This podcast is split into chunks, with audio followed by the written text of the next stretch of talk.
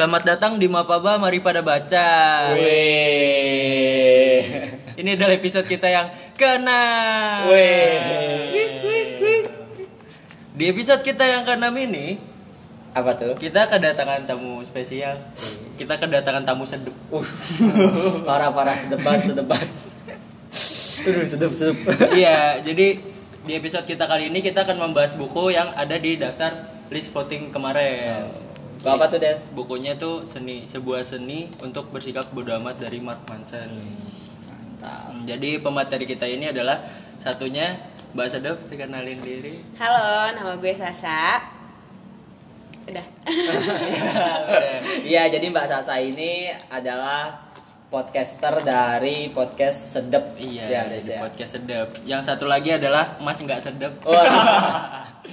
Kenalin diri Mas nggak sedep. udah pada kenal ah Ilham Iya. Iya. Mas nggak sedep ini namanya Mas Ilham. Iya, udah ya. jadi sebelumnya cerita sedikit lah tentang Sasa Iya ya. tentang tentang Mbak Sedep. Jadi, jadi beberapa bulan yang lalu sebetulnya gue sudah punya niatan buat bikin podcast Mm-mm. dan yang pertama kali gue ajak adalah Sasa sebetulnya Mm, bukan gua ya. Nggak jadi gue waktu itu udah sempat kepikiran bahas soal psikologi sama Sasa tapi dia kerja kan akhirnya Mm. dan susah nyesuaiin waktunya Untung aja. akhirnya ya udah gue nyari pengangguran pengangguran seperti kalian Iya. Allah. Anda patutnya bersyukur. Jika Iya. tidak ada kami, tidak ada tidak ada mari pada baca. dan ternyata Ada. podcast kita menjadi stimulus juga untuk orang lain bikin podcast Hmm. Makanya bentar-bentar lagi Terima kita bikin kasih komunitas Ilham dan podcast. teman-teman. Kita siap bikin inilah raker podcast Mantap. Majukan podcast Indonesia. Wih. Jangan lupa dengerin podcast Titik Temu. Iya, ya, Mbak sedep dong, sedep, Sedep, sedep, podcast sedep, sedep. sedep. Ya mungkin langsung aja kali ya Des ya. Hmm, mungkin Mbak Sedep pengen Promosi. iya mempromosikan podcast Sasa. Ya jangan lupa ya pada denger podcast Sedep di Spotify, cari aja Sedep Self Development Podcast. Udah. Terima kasih Orang-orang kayak. Sasa nih curang ya ketika bikin podcast ya. Kenapa? Suaranya bagus anjir. Iya, Gak kayak suara lu enak didengar. Ajay. Lu juga anjir. Kita juga sih sebenarnya. Kita podcast pertama yang kualitasnya kalau dari podcast baru. Iya, yang podcast baru pada belajar dari kita. Iya, Followers kita di Instagram udah lebih banyak. Mm. Fana itu walaupun. Udah, udah bahasa basinya kita bahas ke buku. Jadi untuk para untuk Mbak Sedap dan Mas nggak sedap, sebuah seni untuk bersikap bodoh amat itu isinya tentang apa sih? Secara garis besarnya gitu.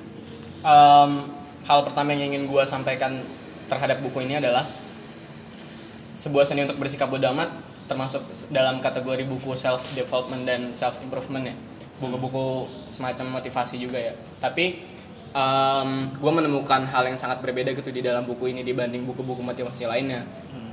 Biasanya ketika kita baca buku motivasi yang lain itu narasinya selalu yang kita temukan bahwa uh, untuk mencapai kebahagiaan untuk mencapai kesuksesan kita tuh harus harus apa ya uh, bersikap positif gitu harus jangan pantang harus pantang menyerah terus harus uh, apa sih biasanya? Keep Yang strong, keep strong, Iya, keep strong gitu tetap lah. semangat Dan- cheers up. Kalian Di- hebat. Iya kalian hebat gitu, kalian pasti bisa gitu. Nah di buku ini kita tuh seakan-akan uh, pola pikir kita di dekonstruk di dekonstruksi total gitu bahwa untuk mencapai sebuah kebahagiaan ternyata uh, seperti pada judul di buku ini ya, ya kita harus bersikap bodoh amat gitu.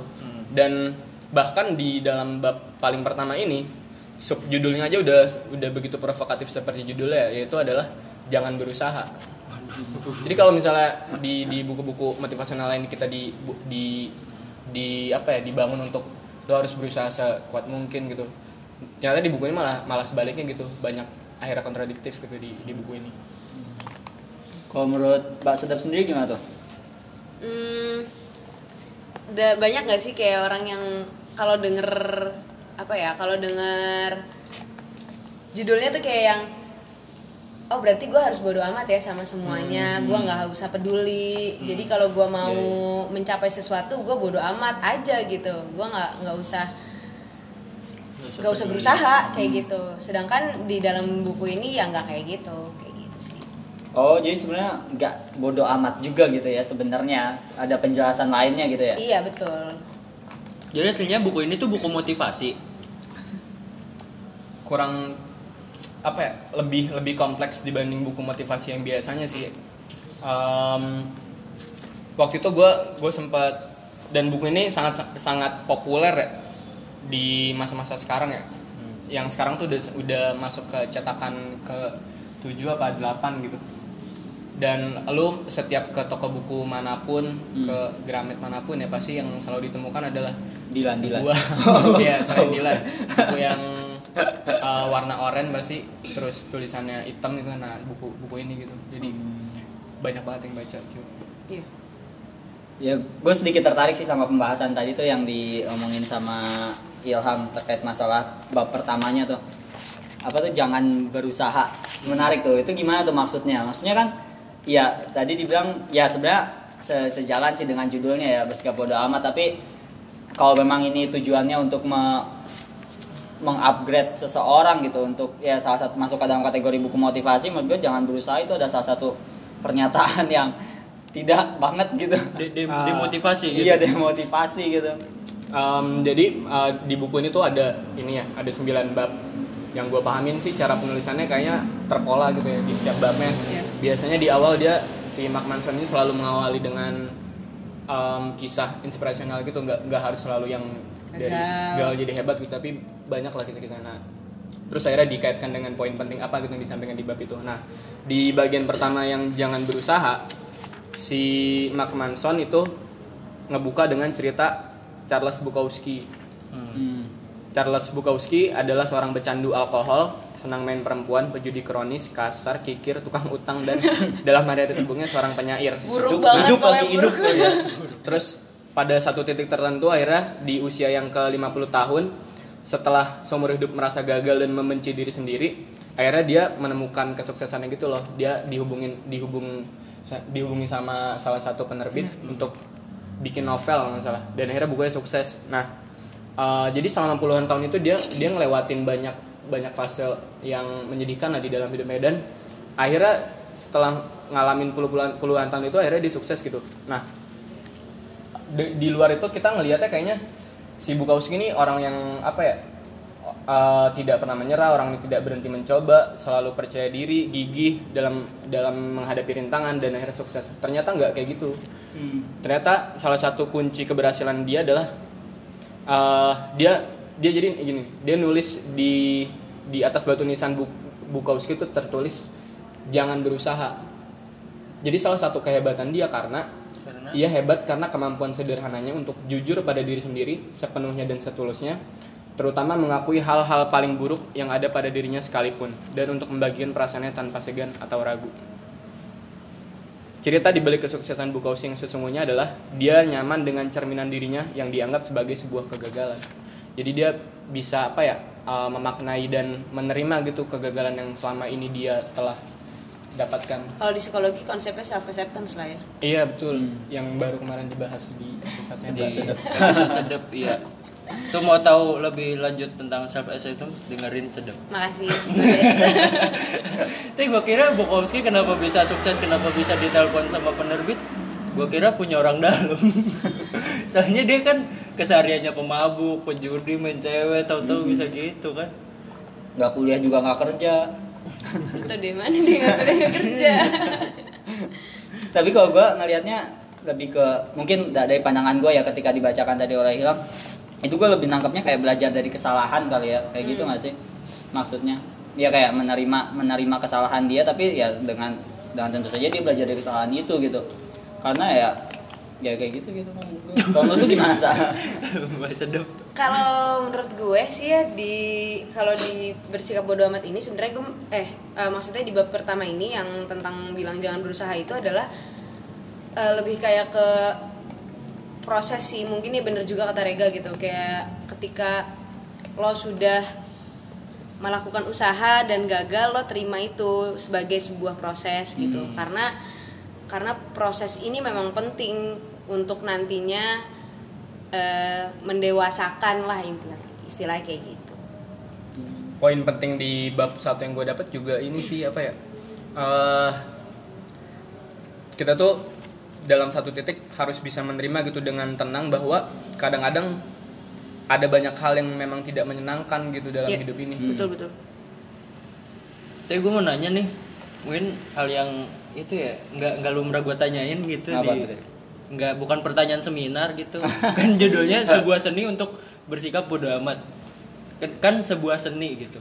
Apakah susah banget gitu untuk bersikap bodoh amat sampai ada seninya gitu nggak? Sampai sampai dibikin buku gimana cara lu untuk bodoh amat gitu? Yang bodoh amat itu sulit banget.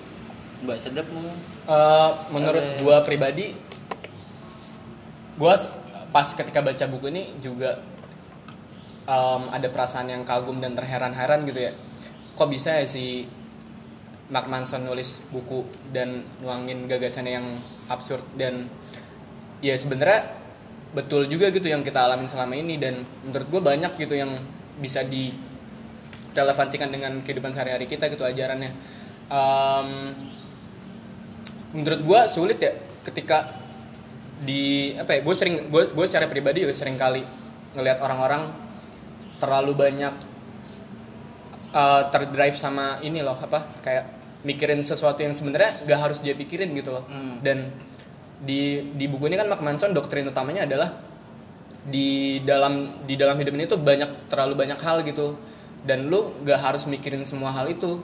Hmm. harus bisa pilah-pilih yang mana yang harus lu pikirin yang mana yang harus lu ya udah bodo amat anjir. Hmm. ngapain lu pikirin sih? Itu cuman nambah nambah apa ya perasaan buat gak bahagia gitu. Itu sih Jadi lainnya itu di sini dia bilang kunci untuk kehidupan yang baik bukan tentang memedulikan lebih banyak hal, tapi tentang memedulikan hal yang sederhana saja. Hanya peduli tentang apa yang benar dan mendesak dan penting, kayak gitu. itu jadi pembatas buku di buku ini juga Sebenarnya gue masih banyak sih pertanyaan tentang bab satu ini karena menarik sekali ya. Tapi gua rasa kita harus maju deh dari bab satu. karena karena buku ini tidak hanya berisikan bab satu saja, guys. Kira-kira apalagi nih yang paling menarik dari buku ini menurut Mbak Sedap dulu deh. Yang dia tadi sedap banget nih gue lihat. Kalau buat gue yang paling menarik itu idenya di sini adalah dia bilang bahwa eh lo tuh bukan suatu seorang individu yang istimewa gitu. Sedangkan kita selama ini diyakini bahwa eh, kita adalah manusia individu yang unik satu sama lain. Kita adalah orang-orang yang berbeda. Kayak gitu-gitu. Nah, di di buku ini bener-bener dihancurin gitu eh, keyakinan lo tentang diri lo yang unik, diri lo yang beda dari yang lain gitu. Di sini bilang ya lo nggak istimewa dan lo nggak butuh pengistimewaan dari siapa pun gitu. Jadi selama ini gue nggak istimewa di mata lo. lu juga lu juga nggak unik ya gue soal kita tidak istimewa tuh gue pernah menemukan sebuah quotes gitu di Tumblr. Hmm. salah satu penyebab ketidakbahagiaan manusia adalah menganggap dirinya istimewa. Kenapa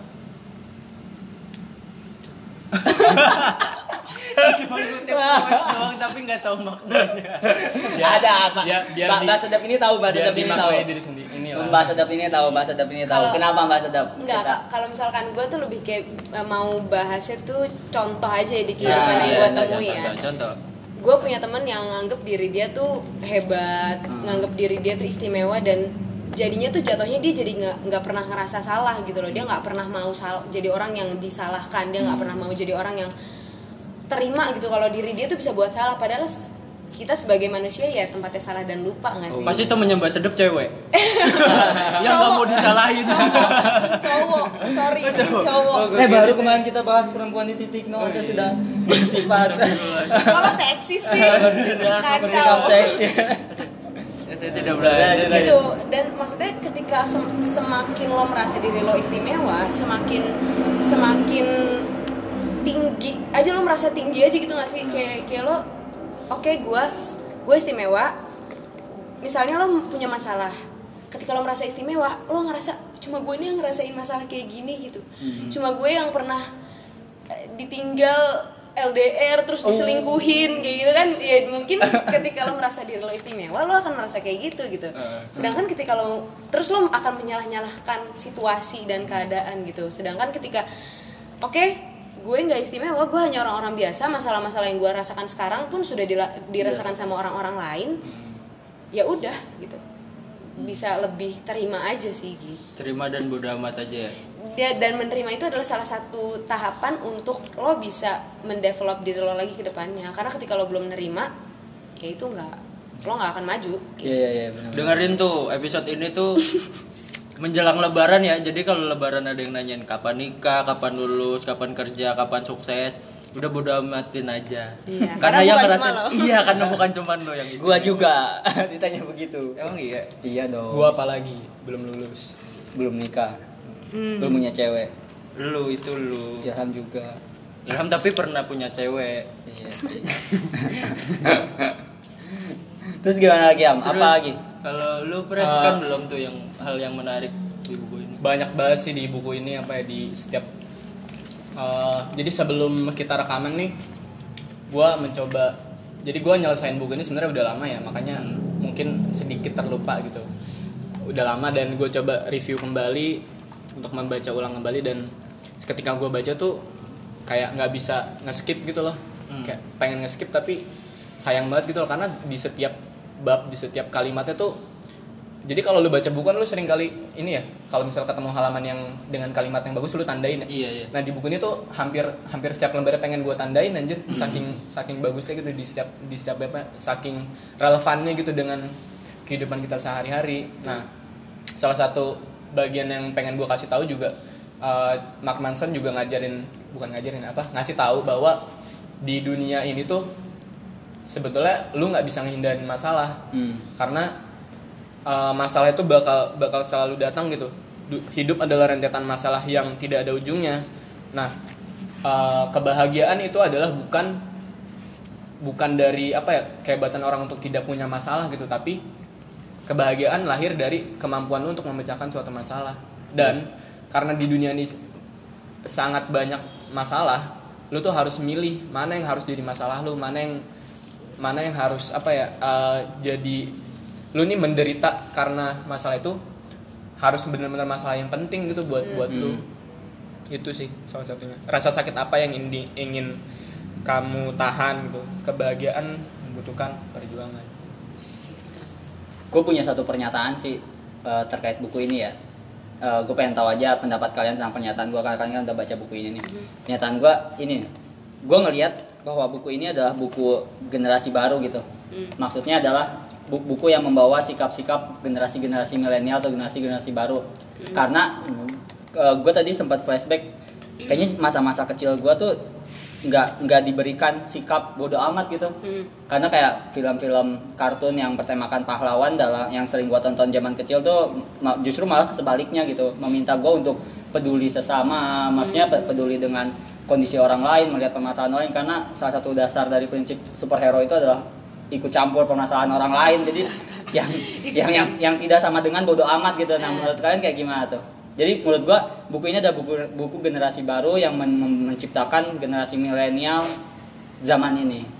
Kayak seminar Iya, iya maksudnya. Milenial, milenial. Oh iya iya iya. iya. tapi tapi serius serius gue tadi kepikiran gitu anjir. Wah ini generasi baru berarti. Iya, jadi tuh tadi gue sempat sebelum rekaman podcast ini tuh ngobrol juga sama Ilham. Ilham nanya, jadi kalau misalkan gue ya udah gue bodo amat aja gitu, mau mencapai apa gue bodo amat, gue nggak usah berusaha dan segala macam. Tapi di ada satu cerita yang diceritain sama Mark Manson di sini dia bilang eh, ketika waktu itu ibunya dirampok, Dirampok. Eh, terus habis gitu eh, dia akan nyari si rampok ini dan pokoknya sampai tuntas lah ngurusin tentang perampokan ini karena nyokapnya tuh sedih banget gitu ibunya sedih banget. Terus eh, jadi dia bukan dia bodoh amat atas segala hal tapi dia lebih kayak ke dia bodoh amat atas apa yang dipikirkan sama si eh, perampok ini tapi dia peduli sama ibunya. Jadi dia lebih lebih kayak ke bodoh amat atas hal-hal yang nggak penting tapi dia lebih mempedulikan hal-hal yang lebih besar dan lebih penting dalam hidupnya kayak gitu Hmm. kalau lu Kalau menurut lo? karena tadi lu juga membahas hal yang superhero superhero itu ya Mhm. ajaran soal itu ya apa ya Eh, kalau diri kalau memposisikan misalnya superhero ya superhero kan punya punya kemampuan yang luar biasa gitu buat bisa mikirin buat mikirin orang-orang gitu. Sementara kita kan ya bukan superhero gitu. Kemampuan kita terbatas terus kepedulian kita juga nggak nggak bisa di, diberikan ke semua orang gitu. Dan ketika ketika lu malah selalu bersikap untuk nggak enakan gitu ya Mhm. terhadap semua orang ya coba aja gitu. Iya, iya. nggak akan nggak akan bisa cuy. Menurut gua buku ini ngasih suatu insight baru sih buat buat banyak orang. Karena gue sering kali menemukan itu banyak orang yang nggak enakan gitu. Terus Iya, iya. selalu bilang iya setiap ada yang mau Iya, minta iya, tolong terus selalu kepikiran hal-hal yang sebenarnya y- ya nggak usah lu pikirin ngapain sih gitu. Hmm. itu malah ngebuat lu tertekan stres gitu kan. Buku ini kan juga buat salah satu tujuannya lah ngindarin stres sebenarnya. Itu gue salah nonton film superhero nih terpasti bakal ada superhero yang bodoh amat gue yakin di masa yang akan datang Hancock Hancock Hancock ada sebenarnya Oh, iya. Gitu. Gua nonton tuh. superhero yang bodoh amat. Tapi berarti ini egois dong. Kalau dilihat kita harus bersikap egois gitu dong. gimana sa Ya seperti apa yang tadi gue bilang, bukan egois tapi lo lebih kayak mementingkan hal-hal yang lebih penting aja, apa yang esensial dalam hidup lo gitu. Eh, banyak hal-hal. Kayak misalnya gue nih mau apa ya, gue berangkat ke kantor pakai baju gembel misalnya, gue aduh gue gembel banget nih, gue overthinking gitu di jalan. Kayak gimana nih kalau misalkan gue dimarahin sama bos gue, gue pakai baju jelek banget gini gini gini, padahal ya setelah gue masuk ke kantor ya udah aja gitu, ya ke- hal kayak gitu kan nggak nggak usah dipikirin, yang yang dibutuhkan sama kantor gue hari itu adalah performa gue di kantor kerjain kerjaan gue bukan penampilan gue. Kecuali hari itu gue harus ketemu klien baru gue harus memikirkan penampilan gue ya kayak gitu-gitu sih hal-hal kecil yang nggak harus lo pikirin ya nggak harus dipikirin. Hal-hal en- esensial aja gitu. Lebih ke situ bukan ke egois bukan egois kayak gitu kalau menurut gue. Afirmatif sama sasa? Anda afirmatif terus Anda. baru sekali.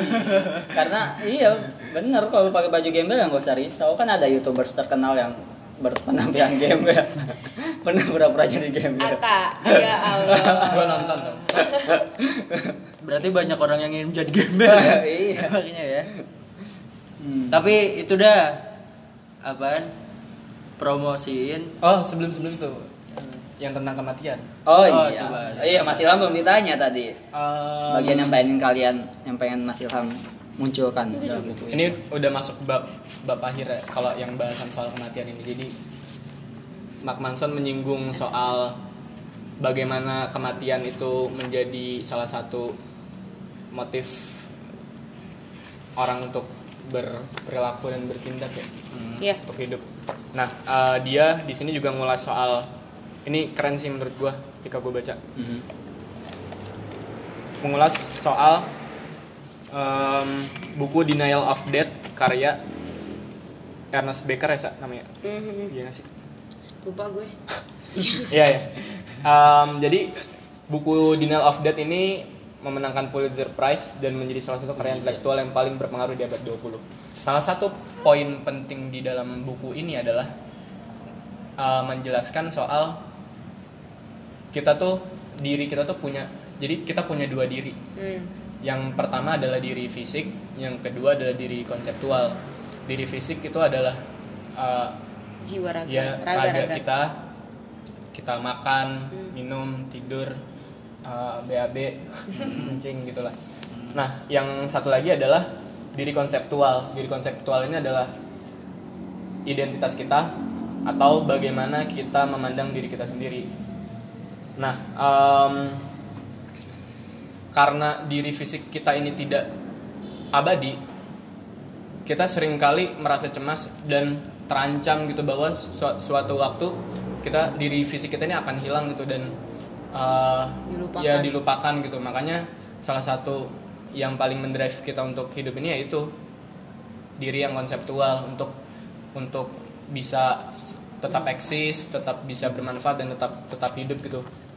Nah, eh, dalam rangka mengompensasi ketakutan kita terhadap tidak bisa dihindarinya kemusnahan dari fisik kita, kita berusaha membangun satu diri konseptual yang akan hidup abadi. Nah, si Ernest Becker ini menamakan ini sebagai sebuah namanya proyek proyek keabadian. Eh, diri konseptual ini termasuk yang apa ya menurut Ernest Becker yang membentuk hingga saat ini struktur pemerintahan, politik, olahraga dan semacam itu awalnya awalnya karena itu kita tuh pengen ter- terus terus abadi, Eksis. pengen terus bisa eksis gitu. Walaupun diri fisik kita udah nggak ada.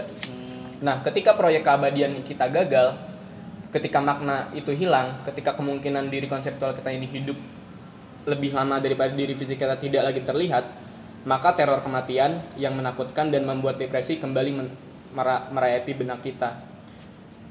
pada intinya bahwa kita semua digerakkan oleh rasa takut peduli terhadap terlalu banyak hal karena peduli terhadap sesuatu adalah satu-satunya cara untuk mengalihkan perhatian kita dari fakta tentang kematian dan bahwasanya kematian tidak bisa dihindari. Nah, si Ernest Becker bilang uh, proyek keabadian ini adalah salah satu penyebab kenapa uh, akhirnya banyak banyak ini ya apa uh, cemas dan ketidakbahagiaan kebahagiaan itu terhadap seseorang dia menyebut ini adalah masalah bukan solusi daripada berusaha mewujudkan diri konseptual mereka secara megah kadang dengan cara yang berbahaya orang-orang seharusnya mempertanyakan diri konseptual mereka dan mencoba bersahabat dengan kematian jadi kita memaknai dan akhirnya menerima gitu loh bahwa kematian itu suatu waktu akan datang dan kita nggak bisa terus tertekan sama sama hal itu gitu keren gitu Ya itulah. Sudah selesai satu bab tadi dibaca sama Ilham. Ya Mbak, Mbak Sasa kayaknya ada mau dimunculkan lagi nih. Hmm. ada satu bab juga yang menurut gue menarik banget di buku ini Eh, dia tuh babnya judulnya nilai penderitaan jadi eh, lebih kayak ke gue gue di sini tuh ngelihatnya eh, dia menghargai proses sih. Jadi eh, banyak orang yang ngerasa bahwa penderitaan-penderitaan yang terjadi di hidupnya dia itu adalah yang nggak nggak ada tujuannya gitu. Cuma pengen bikin dia sengsara aja. Padahal penderitaan-penderitaan dan segala masalah di kehidupan ini kan nggak nggak bisa dihindari gitu. Kita akan selalu ada masalah dalam hidup sepanjang hidup kita gitu kan tadi juga udah diomongin sama Ilham gitu tentang ini. Jadi eh, di sini dibilang jika penderitaan tidak bisa ditolak jika permasalahan dalam kehidupan kita tidak dapat dihindari pertanyaan yang harus kita ajukan bukan bagaimana saya menghentikan penderitaan tapi mengapa saya menderita demi tujuan apa gitu. Jadi di sini tuh diajarin eh, ketika lo menderita lo harus bukan harus sih eh, nggak ada yang harus di dunia ini. Lo- dia dia ngajarin bahwa ketika lo menderita eh, lo set goals gitu lo lo eh, lo bikin tujuannya apa menderita lo jangan cuma menderita menderita aja gitu.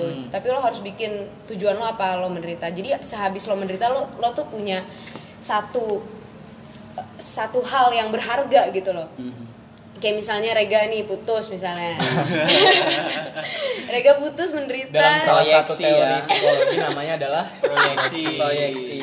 Enggak enggak. Misalnya ya udah kayak gitu ceritanya. gua deh gua deh Iya, Ilham, putus. Putus. Terus habis gitu Sasa eh, putus. Oh enggak.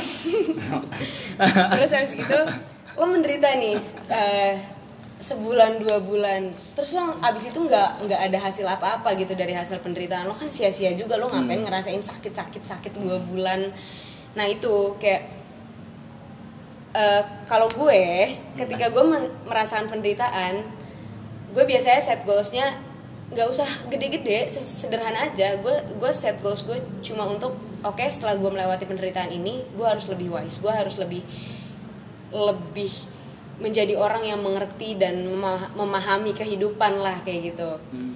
Hmm. nah terus di sini juga dibilang semakin kita menghindari perasaan negatif semakin ah iya tuh di awal-awal tuh dibahas Makin perasaan negatif itu makin banyak itu. eh sebenarnya pengalaman pengalaman negatif tuh berguna banget gitu buat diri kita ke depannya.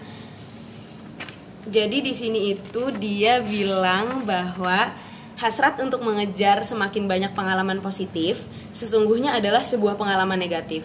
Sebaliknya, secara para- paradoksal, penerimaan seseorang terhadap pengalaman negatif justru merupakan sebuah pengalaman positif. sebenarnya adalah menginginkan pengalaman positif adalah sebuah pengalaman negatif sebetulnya Hmm. Iya kan? Iya betul. Ekspektasi Iya, kayak gitu. ya. Gitu pengen. Iya, jadi kayak lo tuh nggak bisa memaksakan realita istilahnya kayak gitu.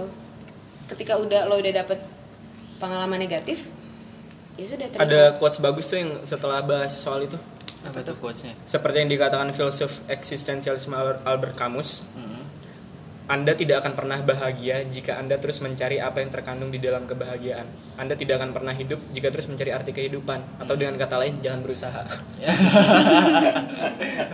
Tuh, Keren, jadi keren, buat keren. yang habis putus, Iya. Anda jangan merasa sedih-sedih sendiri, Iya, jangan merasa penderitaan Anda melebihi orang lain. Anda harus punya set goals Iya. namanya. Iya. Jadi jangan menderita sia-sia. tentukan tujuan ketika lo sedang menderita Ah, ah. Gitu. Siapa tahu dengan menderita Anda menjadi wise, wise menjadi Jadi- pemain the right.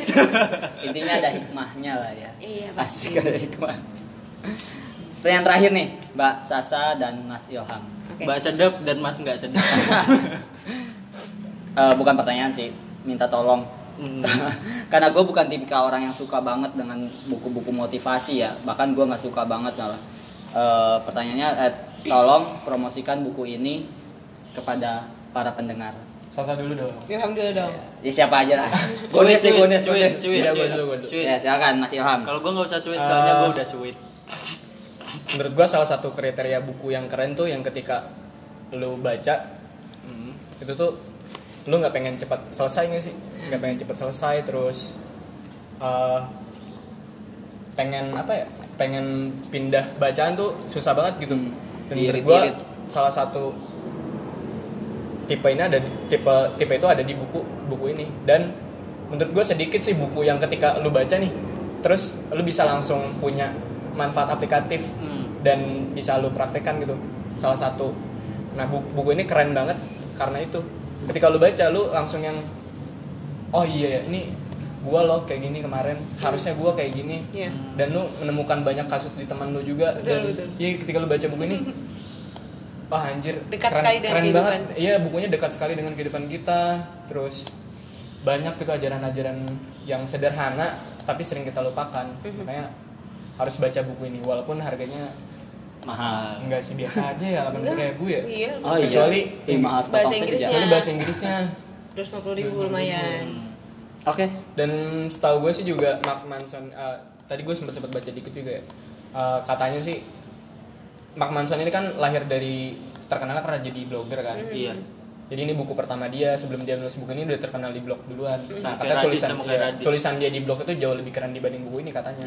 Dan kalau lu baca buku di blog-blognya itu lu bakal lebih memahami lebih luas gitu buku ini. Pengen baca juga sih blognya. Oh. Tuh. Mbak Sasa kalau gue berbeda sekali dengan Rega kerjaan gue kerjaan gue baca buku-buku self improvement karena memang gue butuh dibantu aja sih. Gue bacanya kerjanya baca buku self help mulu. Jadi, jadi gue- Sasa pandai memberikan nasihat untuk orang lain tapi Iya, tidak pandai tidak pandai memberikan nasihat. Ya enggak gue pandai memberikan gue nggak pandai memberikan nasihat tapi lebih kayak ke emang gue karena gue sudah belajar karena gue sudah jadi gue menyalurkannya kepada orang lain juga gitu kalau buat gue buku ini adalah bener kata Ilham tadi apa yang dibilang sama Ilham tadi. Dek- eh, ketika lo baca buku ini tuh lo lo mudah banget me- meriletkannya sama kehidupan nyata lo. Pasti kayak ini ada nih teman gue yang kayak gini nih. Atau enggak eh, ini gue kayak gini nih kayak gitu. Jadi jadi ketika lo punya contohnya di dunia nyata itu akan lebih mudah buat memahaminya kan kayak gitu. itu sih eh, dari buku ini eh, yang paling menarik adalah kayak gitu. Mudah dimengerti karena dekat sekali dan ide-idenya ini menurut gue masih orisinil.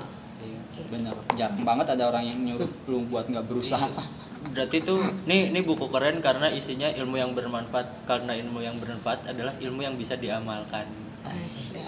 Oh, Gokil, gokil gak tuh guys? kayak gua tahu itu quotes oke. Ilmu iman amal. Dikir-pikir amal soleh. Oke, gua rasa kita udah sampai di penghujung podcast Episode. kita. Episode. Iya, episode pada hari ini.